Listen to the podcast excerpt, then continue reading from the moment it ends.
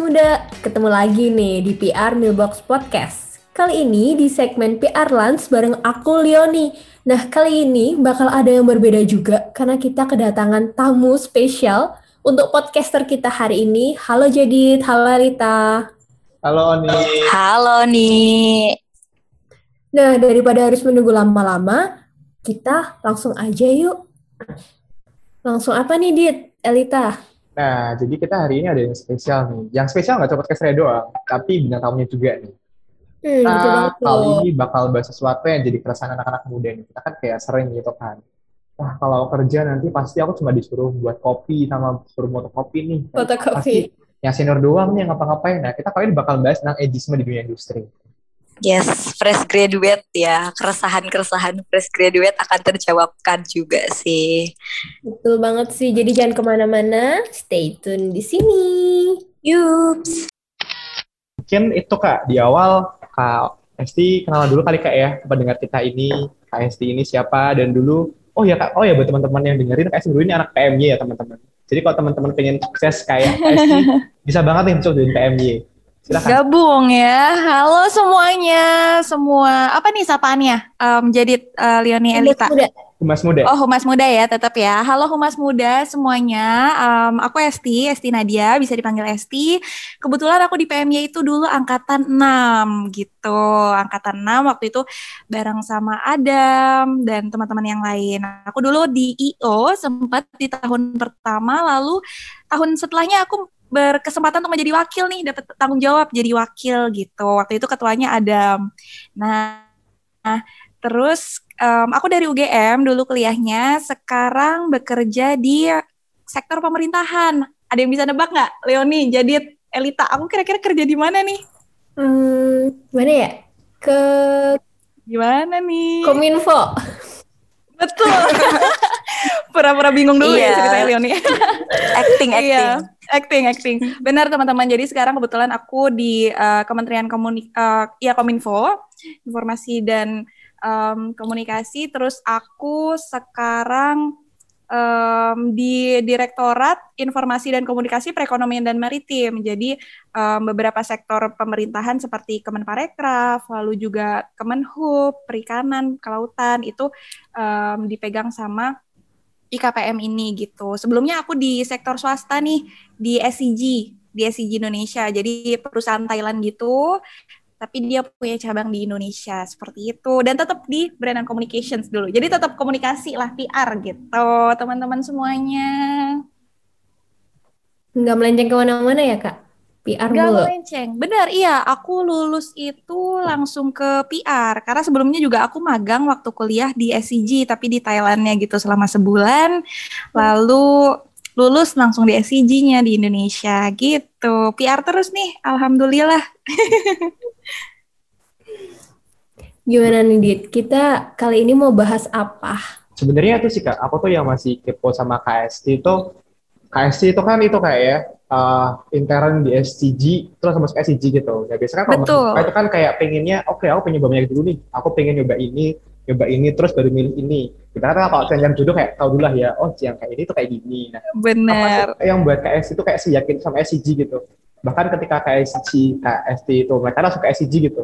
Kan mhm. yang meyakinkan KST untuk gabung langsung ke SCG.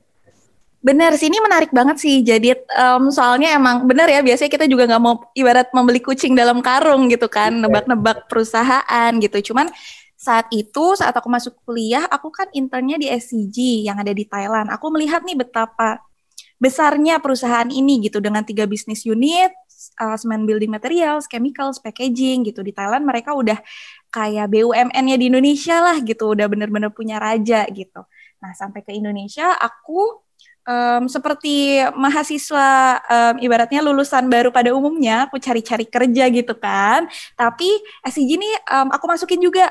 Aku melihat bahwa oh di Indonesia nih ternyata masih sebenarnya masih kurang gitu komunikasinya gitu. Mungkin aku bisa kontribut di sana gitu. Nah, makanya saat aku masuk di sana, pertanyaannya yang sama, kenapa milih SCG juga? Aku juga em, berbaginya adalah em, there is still something need to be improved here gitu. Ada yang sesuatu nih yang perlu dikembangin padahal SCG punya potensi gitu. Nah, em, aku sangat berharap kalau aku bisa jadi berlian yang kalian cari untuk ibaratnya mengembangkan atau improve dari perusahaan itu gitu. Jadi makanya itu yang bikin aku sangat-sangat tertarik gitu untuk masuk ke SCG. Gara-gara intern itu juga sih karena jadi kenal kan. Sebelumnya aku nggak kenal soalnya gitu. Wah, keren banget sih Kak Esti ini ceritanya. Jadi kayak mau jadi berlian yang dicari nih, aku bisa nih buat uh, mengembangkan yang tadi itu ya Kak. Berarti. Bener, bener banget. Karena kan sering banget ya kita tuh mungkin uh, panggilan dari hati karena memang kita uh, ngerasa kayaknya aku bener-bener bisa nih di sini. Jadi kayak lebih apa ya, ibaratnya bahasanya kalau lebih passionate tuh jadi lebih serius gitu, lebih senang aja juga jalaninnya gitu ya Kak. Iya, setuju banget Elita. Selain passion kan biasanya emang nggak bisa dipungkiri ya namanya mm-hmm. hati, suara hati itu pasti ada, yes. ya nggak sih? Mm, iya betul. betul. Itu itu sih yang aku rasain dulu. Gitu. Tapi maksud tadi kak, Kak Esti bilang tentang Thailand dan pengalaman di situ. Nah, kalau boleh tahu pengalaman apa nih kak yang Kak Esti rasa tuh paling dapat waktu internship itu? Pengalaman waktu magang di Thailand. Yang paling aku dapat adalah gimana aku bisa ngeliat, ibaratnya kalau kita belajar PR gitu kan, itu sangat-sangat dinamis ya. Nah itu aku belajar di Thailand saat itu adalah untuk tugas um, tanggung jawabnya final, ibaratnya apa ya, final final examnya gitu, project final projectnya itu adalah gimana caranya aku bisa mengenalkan, meningkatkan awareness brand SCG di Indonesia saat itu itu aku ada di Thailand gitu. Nah, culture yang berbeda ini gitu. Pun di Thailand SCG brand ini sangat-sangat um, dikenal layak gitu. Tapi di Indonesia mungkin masih kurang. Nah, gimana sih caranya? Nah, itu aku belajar di situ tantangannya. Terus gimana cara tim yang ada di headquarternya SCG di sana untuk um, uh, membuat project, terus juga untuk gimana caranya benar-benar nge-breakdown produk-produk yang mereka miliki, cara bikin CSR-nya, aku sangat-sangat belajar di sana. Bahkan mereka ada sport branding juga gitu. Saat itu sih aku belajar di sana. Dan juga yang paling diingat adalah gimana, mungkin ini funnya ya teman-teman Humas Muda yang dengerin, funnya adalah gimana kita bisa selama sebulan kita alhamdulillah dikasih uang saku, terus juga tinggal di hotel, terus dapat teman-teman baru dari negara Filipina, ASEAN yang lainnya gitu. Waktu itu dari Indonesia ada 14 orang dari kampus yang berbeda, itu sangat-sangat meng mengesankan soalnya sampai sekarang juga kita masih nyambung, kita masih um, at-atan di Facebook karena kan kalau dari negara Filipina nyamar mereka mainnya Facebook gitu. Kayak gitu sih teman-teman. Wah, keren banget. Pasti ceritanya luar biasa banget sih. Kan berarti waktu itu juga setelah magang itu berarti kan Esti jadi fresh graduate nih, Kak. Nah, habis itu uh, apa sih fakta dan mitosnya bekerja sebagai fresh graduate itu kan kadang ada yang uh, misalkan kayak Nah, kalau fresh graduate itu nanti pasti disuruh-suruh terus nih sama seniornya atau apa gitu-gitu fakta dan mitosnya tuh apa aja sih kak kira-kira? Ya, cuma buat kopi. Uh, apa gimana gitu? Fotokopi gitu ya. Oke, okay, um, ini penting banget sih. Well, menurut aku adalah um, sorry ada noise. Uh, menurut aku adalah semua kehidupan ini adalah proses pembelajaran gitu. It's an endless learning journey. Gak akan ada pernah berhentinya buat kita belajar kayak gitu. Nah, saat aku masuk bekerja jadi fresh graduate, ibaratnya oh Esti ini yang jago PR ya dulu kuliah di UGM ikut lomba macam-macam. Once you work, you will start from the zero yang kayak gitu menurut aku. Jadi benar-benar aku di sana jadi empty bottle, botol kosong. Aku nggak expect nggak aku maunya cuma dapat CSR aja. Aku pokoknya bagian CSR aja. Itu enggak. Aku benar-benar jadi empty battle.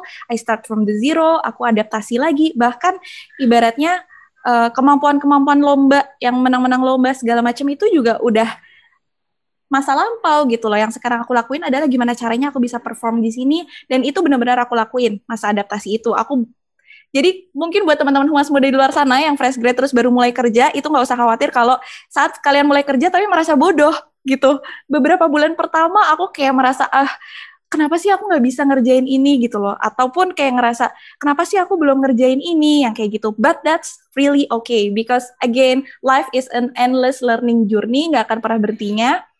Nggak akan pernah ada berhentinya gitu kan. Jadi pede aja. You will get there gitu loh. Kalian akan di titik di mana kalian akan dipercaya dan dikasih tanggung jawab. And it's um, aku ngerasain itu kayak gitu teman-teman. Jadi ya emang gak perlu ibaratnya oh nih Jadit misalnya atau Elita atau Leoni jurusan humas jurusan PR gitu. PR udah keren banget nih. Pas kerja kerjanya harus PR harus jadi PR harus yang ketemu orang gitu. Enggak gitu. Jadi kayak PR itu dari berba berbagai aspek. Kalian juga di kantor baru nanti masuk ketemu senior senior orang-orang dengan berbagai latar belakang uh, pendidikan gitu. Kalian bisa belajar dari sana. Dan kalian kontribusi di kantor tuh nggak cuman harus jadi ibaratnya langsung jadi bintang kok gitu. Kayak gitu sih.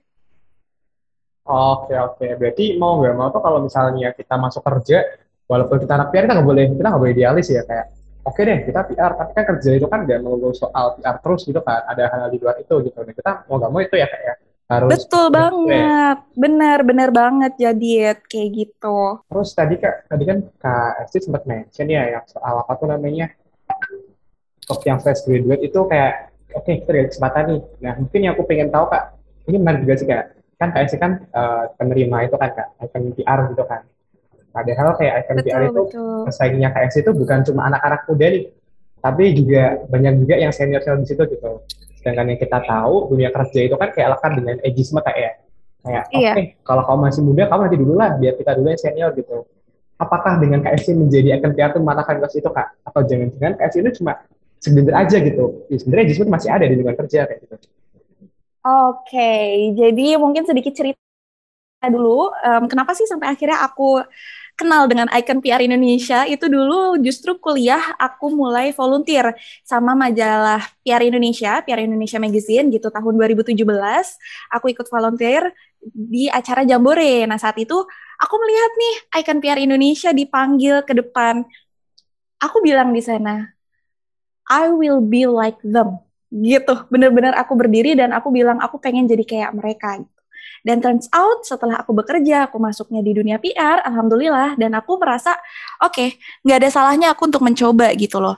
Um, as long as we contribute to our community to our office gitu kan kita kasih kontribusi walaupun hal yang kecil atau hal yang impactful sekalipun gitu itu juga harus diceritakan. Nah aku menceritakannya lewat ajang Icon PR ini dan kebetulan alhamdulillah aku juga dipercaya dan menurut aku kalau ibaratnya ada senior nih atau aku merasa belum jadi senior nih gitu that's really okay kamu harus mencoba gitu karena kita nggak akan pernah tahu um, kita nggak akan pernah tahu gitu loh kalau kita nggak nyoba. Karena gini uh, teman-teman semuanya, dunia PR itu adalah dunia yang dinamis ya, berubah. Bahkan kita di era disruptif ini harus sering-sering adaptasi juga gitu kan.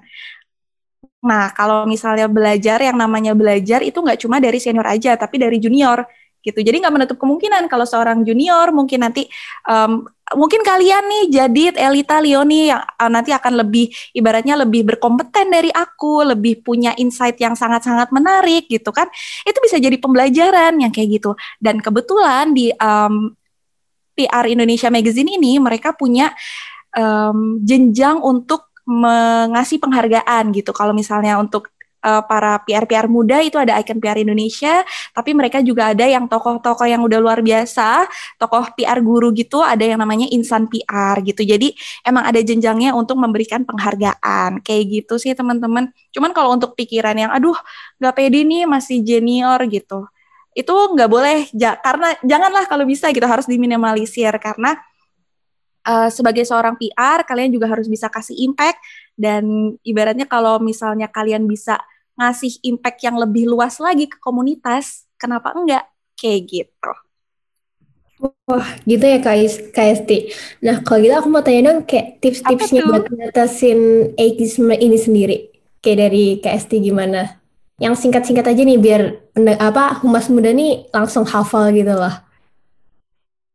Tipsnya, tipsnya -hmm. kalau dari um, tips untuk apa nih maksudnya? buat ngatasin ageism ini sendiri? Kayak misal rasa nggak pede gitu uh, dengan kemampuannya gitu ya? Kayak ha, yang pertama harus percaya diri atau yang kedua tentang pokoknya ya apa yang kamu bisa, skill apa yang kamu bisa keluarin aja gitu. Oh, oke. Okay. Kalau misalnya dari aku ini wisdom yang selalu aku bawa sampai sekarang adalah um, ini life is like a buffet gitu. Hidup tuh kayak prasmanan. Semua ada nih, mau dari nasi, sayur, lauk, ikan, segala macam, es buah juga ada, buah, salad, roti, segala macam semua ada. Kalian milih. Kalian bisa milih either satu menu aja, sate aja, atau kalian mau nyobain segala macam menu, tapi bervariasi. Nah, hidup kayak gitu. Dan menurut aku, kenapa harus kita nggak percaya diri? Kenapa kita harus menutup kesempatan kita di saat banyak sekali kesempatan yang ada di depan kita? kayak gitu. Jadi you have to try because life is a buffet gitu. Dan lagi-lagi saat mencobanya itu juga jangan sampai kebablasan gitu. Kita juga harus berpegangan bahwa ini semua tuh proses pembelajaran kok. Kalau kita nggak nyoba kita nggak belajar gitu. Hidup kan buat keep evolving ya, baik dari skill set competence atau dari mindset juga yang kayak gitu. Nah, dengan caranya kita mencoba, kita akan ibaratnya kita akan tahu nih kemampuan kita kayak gimana, kita bisa mengukur apa yang kurang dari kita. Once you fail, that's okay. Karena step kamu gagal adalah semakin dekat dengan keberhasilan kamu gitu. Jadi nggak ada salahnya buat mencoba, nggak ada salahnya buat teman-teman humas muda di luar sana buat nggak pede dengan kemampuannya kayak gitu. Dan nggak nggak usah masalah sama senior karena ibaratnya gini, kamu bisa bilang ke senior gitu teman-teman humas muda kalau eh ya nih mau belajar nih kak gitu mohon bimbingannya karena nggak nggak menutup nggak nggak bisa dipungkiri ya ibaratnya kalau semua PR PR PR yang udah hebat bahkan aku sendiri pun pasti kita punya role model di sana. Role model yang ibaratnya kita bisa ambil um, perjalanan karirnya dia atau insightnya dia menghadapi kegagalan. Kita semua punya yang namanya role model. Kayak gitu. Nah nggak ada salahnya juga buat belajar dari role model role model atau senior senior kita. Kayak gitu sih. Wah keren banget sih ceritanya Kak Esti ini. Berarti memang kita emang perlu juga ya Kak uh, role model. Karena kan dengan adanya role model tuh kita jadi punya apa ya kayak semacam target juga gitu nggak sih Kak? Kayak kayak tadi Kak Esti bilang kan I will be them gitu kan. Kayak ya biasanya dengan adanya role model kita juga yang kayak jadi wah aku harus kayak misal nih Elita mikir aku mau ah jadi kayak KST kayak gitu. Berarti aku harus gini gini gini. Jadi kita punya rencana yang akhirnya itu bisa lebih terplanningkan aja gitu gak sih kak? Bener banget, bener banget. Ini setuju banget sih Elita. Kita kayak punya uh, pegangan istilahnya kita digandeng gitu loh. Once we lost, jadi kita kan nggak tahu ya ke depannya gimana gitu. Kita berupaya, berusaha, kita mencoba segala macam hidangan di prasmanan tadi gitu. Once we lost, kita punya sosok yang bisa mungkin menginspirasi kita atau sosok yang uh, ibaratnya kita tahu nih dia juga pernah gagal seperti ini yang kita alamin gitu. Jadi ya itu sih emang hidup tuh bener-bener proses pembelajaran yang nggak akan ada matinya, nggak akan ada berhentinya gitu. Jadi emang menurut aku kenapa harus um, pede gitu kalau misalnya sebenarnya kalian bisa gitu sih teman-teman humas muda, ayo. Oh, bener banget tuh Kak Esti. Kalau di aku sendiri sih emang tantangan terbesarku tuh masalah percaya diri gitu loh. Kadang kayak nggak pede aja, kayak ngerasa ini hmm. kayaknya aku nggak punya skill ini deh, kayaknya nggak bisa deh. Nah, akhirnya nih yang kadang bikin kita tuh stagnan, kita nggak bisa melangkah gitu loh. Iya, benar, benar sih. Dan itu sebenarnya hal yang wajar ya. Um, kadang ibaratnya kita juga nggak tahu nih apa sih yang harus kita lakuin gitu loh. Ketika kamu lulus gitu kan, apa sih ini harus ngapain ya? Abis ini, aduh banyak banget pilihannya. Ada agensi, ada corporate, ada juga government PR gitu kan. Apa sih yang harus diambil nih gitu?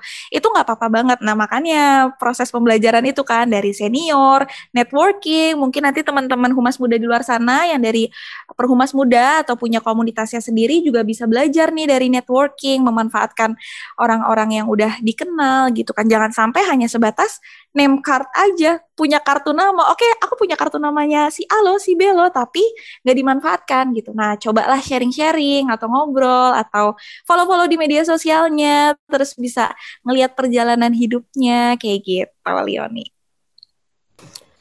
Oke, Sti, uh, kita kan bicara tentang langkah ya, gimana caranya kita melangkah. Aku mau tanya dong, waktu hmm. dulu tuh uh, langkah-langkah apa aja sih yang kayak Sti lakuin, kayak si ambil sampai akhirnya bisa jadi icon PR Indonesia ini?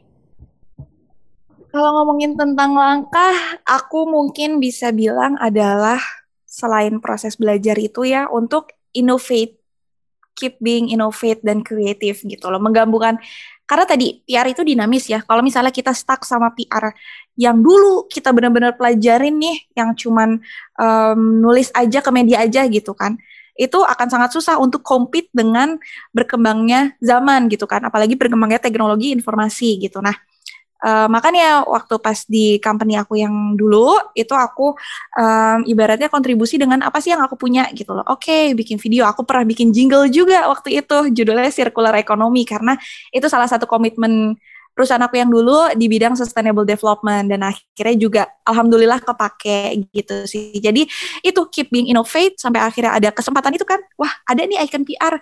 Ternyata harus menceritakan kontribusi kita, cerita kita gitu. Apa sih yang udah lo lakuin gitu dan akhirnya aku cerita di sana gitu jadi kan ibaratnya kita nggak bisa kalau hidup untuk nunggu um, rewards-nya apa jangan sampai kita nungguin rewards dulu baru kita ngelakuin sesuatu yang positif gitu. Sesuatu yang impactful.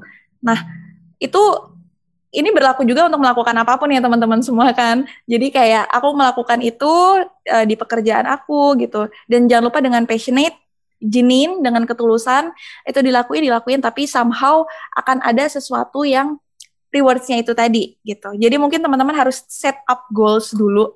Mau ngapain aja di list kemampuan teman-teman apa set up goals gitu. Untuk rewards nggak nggak usah dipikirin karena somehow pasti akan ada yang kayak gitu. Gitu sih Leoni. Langkah-langkah aku sih ya itu sih sebenarnya untuk innovate gitu. Nggak ada langkah-langkah pasti tapi uh, harus itu sih. Harus um, keep evolving aja jangan sampai stuck gitu. Kalau misalnya dan dare dare yourself. Kalau ibaratnya sekarang dunia PR kan sangat-sangat uh, berkembang ya. Kalau misalnya PR sekarang biasanya udah bisa pakai video atau desain grafis gitu kan uh, publikasi-publikasinya Gak bisa nih aku dulunya di awal tapi saat aku di, masuk kantor baru aku disuruh untuk menghandle ini kalau aku bilang nggak bisa aku nggak akan bisa terus gitu kan tapi once you can say yes kamu akan belajar di sana gitu loh. Walaupun secara terpaksa awalnya, tapi kita akan belajar di sana gitu. Dan um, nantinya kita bisa kontribusi dari itu, yang kayak gitu. Jadi dari yourself aja untuk belajar dan nyoba hal-hal baru. Itu sih kalau dari aku. Wah, keren banget ya.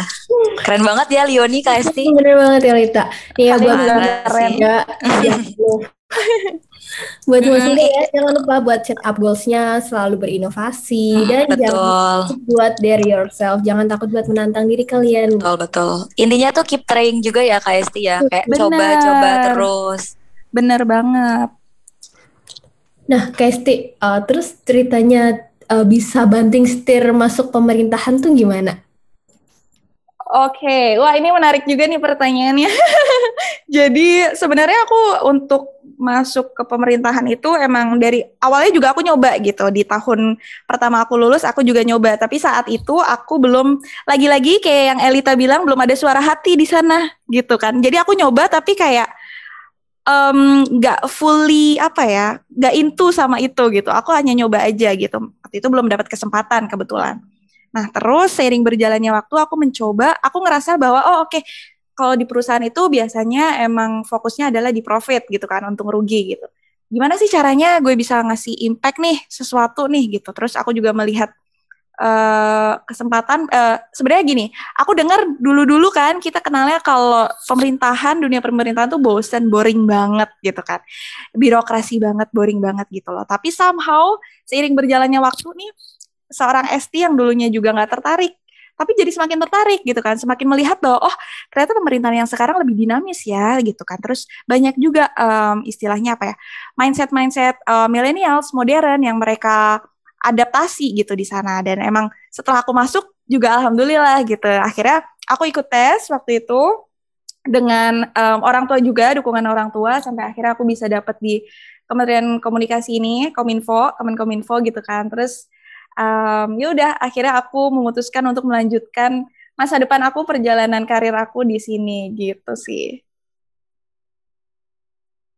Tadi kan KSC sempat itu kan kak uh, buat jingle, hmm. terus aku lihat ip-nya KSC, KSC juga kayaknya singer wannabe nih. Mungkin bisa aja nih kak abis dari government jadi singer nih kak. Nah kalau menurut KSC nih kak, pemerintahan atau ASN sekarang itu kalau dibuatin lagu, kira-kira apa nih kak judul yang pas? Waduh. Kita wow, uji ya. iya, iya benar-benar iya ya. skill Ini narasi. skill menulis lagu ya. Sebenarnya aku nggak bisa nyanyi dan main piano, cuman bisa nulis doang. Kalau untuk sekarang mungkin lebih ke em, apa ya? Tentang integritas atau semangat maju gitu kali ya. Karena sekarang kan lebih eh, modern juga is- ibaratnya sekarang kita tetap jadi ASN yang berintegritas tapi juga yang enggak em, stuck ibaratnya nggak kolot gitu. Jadi mungkin hal-hal yang nyerempet ke situ kali ya. Apa ya judulnya? Atau enggak, ibarat kata genre, genre apa nih Pak? Yang pas, yang pas untuk pemerintahan sekarang. Kalau diibaratkan genre, em, pemerintahan yang sekarang itu dia sebenarnya bisa masuk ke mana pun, bahkan pop juga gitu loh. Karena em, genre pop itu kan genre yang sangat mudah didengarkan di telinga masyarakat ya.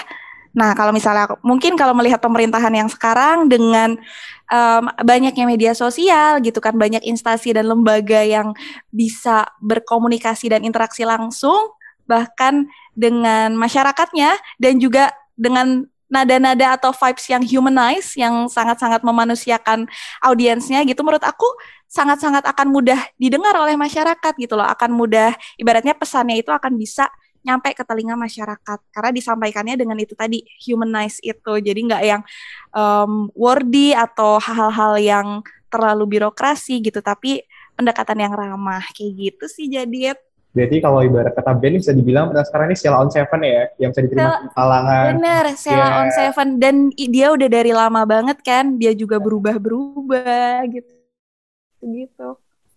Sheila on Seven bener, dia legend banget ya teman-teman ya. Bener Kak. Berarti PRKST ini harus bisa jadi ini tuh. Apa tuh namanya lagunya tuh? Apa? Aduh, aku lupa judul lagunya Aduh, Seven yang bagus banget. yang pernah Indonesia miliki. Oh, iya. Wih, keren Wih, banget. kita semua ya, kita semua bukan cuman aku sebagai ASN, tapi teman-teman semua humas muda sekalipun harus bisa jadi anugerah terindah yang pernah Indonesia miliki. Karena lagi-lagi PR itu bukan cuman sosok PR aja, sosok humas aja yang jadi PR, tapi setiap diri dari kita adalah PR, seorang PR gitu. Nah, sekarang nih berarti PR kita juga menjadi PR untuk Indonesia gitu kan. Makanya diharapkan humas muda dan teman-teman yang lainnya di sana bisa jadi anugerah terindah bagi Indonesia. Wah, wajib banget. Asik. Kalau kayak sih tadi sempat nyinggung, kalau kita jadi PR, berarti selain jadi anugerah, kita juga punya PR nih, Kak. Kita harus membuat cerita Indonesia biar bisa menjadi film favorit semua orang di dunia. Bener banget ya, Kak. Bener, bener, bener banget aku setuju. Udah banyak banyak kita ngobrolin, Kak. Dan nggak terasa, Kak, udah setengah jam nih kita ngobrol. Oh iya, Iya. mungkin ada teman-teman ada yang mau ditanyain lagi apa gitu. Kesti, bedanya Apa waktu tuh? dulu jadi di apa? SIJ ya tadi ya? Terus Oh, eh, SCG, SCG, SCG, SCG. eh, terus sekarang jadi pegawai publik itu gimana? Bedanya apa aja nih? Yang Beda banget. Beda banget, kerasa banget sih berbedanya. Karena kan em, lagi-lagi em, memang beda ya antara swasta dan juga pemerintahan gitu. Akan tetapi em, sebenarnya masuk di pemerintahan ini ya, yang tadinya aku juga takut nih gimana ya meraba-raba gitu. Sampai masuk di sini ternyata oh banyak ya orang-orang yang istilahnya dynamic, mereka juga em, inovatif yang kayak gitu. Banyak em, pemikiran-pemikiran milenials modern juga. Bahkan alhamdulillah Ibu Setriana Tangkari em, direktur dari IKPM beliau juga sangat-sangat mendukung inovasi-inovasi, lalu juga eh, hal-hal yang membuat generasi muda itu bisa eh, positive thinking terus berkembang yang kayak gitu. Nah, aku sangat-sangat bersyukur sih di sana yang kayak gitu. Jadi bisa banyak belajar banget. Tapi lagi eh, lagi-lagi karena aku juga kan di sini sekarang masih CASN ya, banyak hal yang aku pelajarin. Jadi prinsip aku sekarang masih sama yaitu be empty bottle, jadi botol kosong ilmu apa pun yang bisa aku serap nanti akan aku masukin. Aku nggak nargetin botol aku akan diisi oleh susu aja, sirup aja. Aku mau penuh warna. Aku mau botol aku diisi es buah yang dengan berbagai macam buah, berbagai macam sirup, susu, es. Yang penting em, aku mengosongkan botol aku dulu yang kayak gitu buat belajar. Tapi harus tetap berkontribusi dong gitu. Kalau mungkin Kak dari swasta sama pemerintahan ini apa sih Kak yang paling Kak esteem? Mungkin kayak swasta ini enaknya di sini nih, pemerintah enaknya di sini nih kayak gitu Kak. Hmm, kalau swasta itu enaknya dia lebih mungkin santai aja ya, nggak seragamnya. seragamnya kalau di swasta itu bisa bebas. Jadi kayak aku juga masih Fashion adjust. show kayak Iya, bisa kayak fashion show kan, mau pakai ini, mau pakai itu, tinggal ngambil gitu. Tapi kalau misalnya di pemerintahan tentu kita ada aturan yang berlaku gitu kan. Jadi ada seragam juga, walaupun ada baju bebas, tapi aku tuh masih mikir-mikir gitu. Karena kan um, somehow mungkin teman-teman humas muda di luar sana juga merasa kalau kita punya comfort zone untuk pakai baju gitu kan. Baju yang menurut kita bikin kita pede dan bikin kita nyaman gitu. Nah, itu masih mikir-mikir sih kayak um, pakai baju ini boleh nggak ya gitu masih karena masih ada aturan-aturan yang berlaku gitu. Terus mungkin kalau dari pekerjaannya juga karena kebetulan kemarin aku di multinational company which is aku berhubungan dengan um, brand di Thailand juga, gak cuma Thailand tapi di ASEAN gitu kan. Nah, itu aku sangat-sangat ibaratnya memikirkan tentang per, uh, perbedaan budaya cross cultural gitu yang untuk ngembangin budaya terus gimana adjust ke Indonesia itu sangat-sangat ada tantangan di situ. Tapi kalau misalnya untuk di pemerintahan mungkin tantangannya adalah gimana sih bisa cara untuk komunikasi ke masyarakat kita sendiri gitu loh yang nantinya uh, masyarakat bisa menerima pesan pemerintah dengan baik dan juga ibaratnya bisa jadi um, jembatan juga buat pemerintah uh, pemerintah dan masyarakat kayak gitu sih. Wah keren banget sih ceritanya KST ini. Berarti memang uh, tadi aku suka banget ya pas bagian KST bilang uh, baju gitu kayak emang ada sih pasti setiap orang punya comfort uh, kayak itu. Berarti masih mikir-mikir ya kak. Kadang mungkin kita ngerasa aku nyaman nih pakai ini tapi kira-kira boleh nggak ya kalau di kantor gitu dipakai benar gitu, gitu benar ya, benar kayak kalian kerasa nggak sih uh, kayak aku tuh suka ya pakai um, dalam kayak pakai hmm. inner gitu terus pakai outer atau blazer Ih, atau outer. sama banget tuh kak. SD iya, aku kan? juga kayak gitu. Iya aku banget. Iya aku juga. Kalau sudah gitu. berarti iya kan guys? Kan. bener hmm, banget gitu. makanya aku yang kayak aku tuh suka bahkan tapi sampai sekarang ya karena masih hmm. belum ada seragam nih aku nih kan CSN jadi belum ada seragam yang pasti aku masih pakai tuh kalau bebas bahkan kalau pakai hmm. batik aku juga pakai inner dan outer iya. gitu iya nyaman banget kayak gitu tuh benar asik benar aja Bener banget. Ya sih luar biasa lah. Terus sama tantangannya tuh bedanya kalau waktu dulu karena multinasional berarti uh, lebih kayak gimana sih jadi jembatan antara uh, Indonesia dengan negara perusahaan tersebut uh, di mana KST ini kan Thailand gitu. Kalau sekarang tuh lebih ke jembatan antara masyarakat sama pemerintah gitu ya kak? Iya benar gitu sih sinergi juga kan karena tadi mm -hmm. aku sama Parekraf, ESDM, KKP, Kelau iya, Kelautan Perikanan gitu. Oke, keren banget sih Kak Esti. Um, kasih satu statement dong nih sebelum kita tutup buat Humas Muda.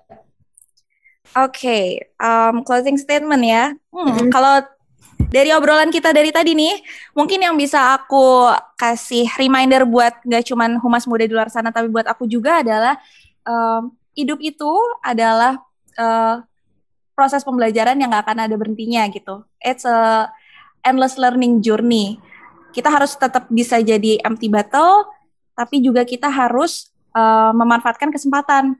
Karena lagi-lagi hidup juga sebagai prasmanan gitu. Jadi dicoba dari yourself, kembangkan potensi kalian, jangan sampai takut untuk belajar, untuk bertanya, jangan sampai takut untuk mengambil kesempatan karena sebenarnya kesempatan-kesempatan itu adalah proses pembelajaran kalian. Kegagalan-kegagalan itu adalah proses pembelajaran kalian juga. Jadi, dare yourself, BMT battle, dan juga ingat, life is a buffet. Tetap belajar gitu. Kalau dari aku gitu sih. Wah, terima Wah, kasih. keren. Ya sih ya, keren banget lah pokoknya. Oke, Elita, Udah, ada yang mau ditanyain Iya. lagi Kak Esti? Aku cukup sih ini udah banyak banget insight dari Mm-mm. KST sharing yang cukup berman yang sangat malah sangat bermanfaat banget di sore hari ini. Aku udah sih Leoni. Oke, jadi juga udah. Artinya kalau kita lanjutin, nanti kita malah jadi kuliah ya. Oh, malah KS ya? malah, Bener banget. dosen malah kehilangan jobnya nanti. Ya. Biar dosen Bisa bisa ya. jobnya KSC tetap dengan di kementerian aja kak ya. iya bener ya. Nanti kalau aku jadi dosen kayaknya lebih ke rumpi nih kita nih. iya Lebih nih rumpi nanti ya. nih.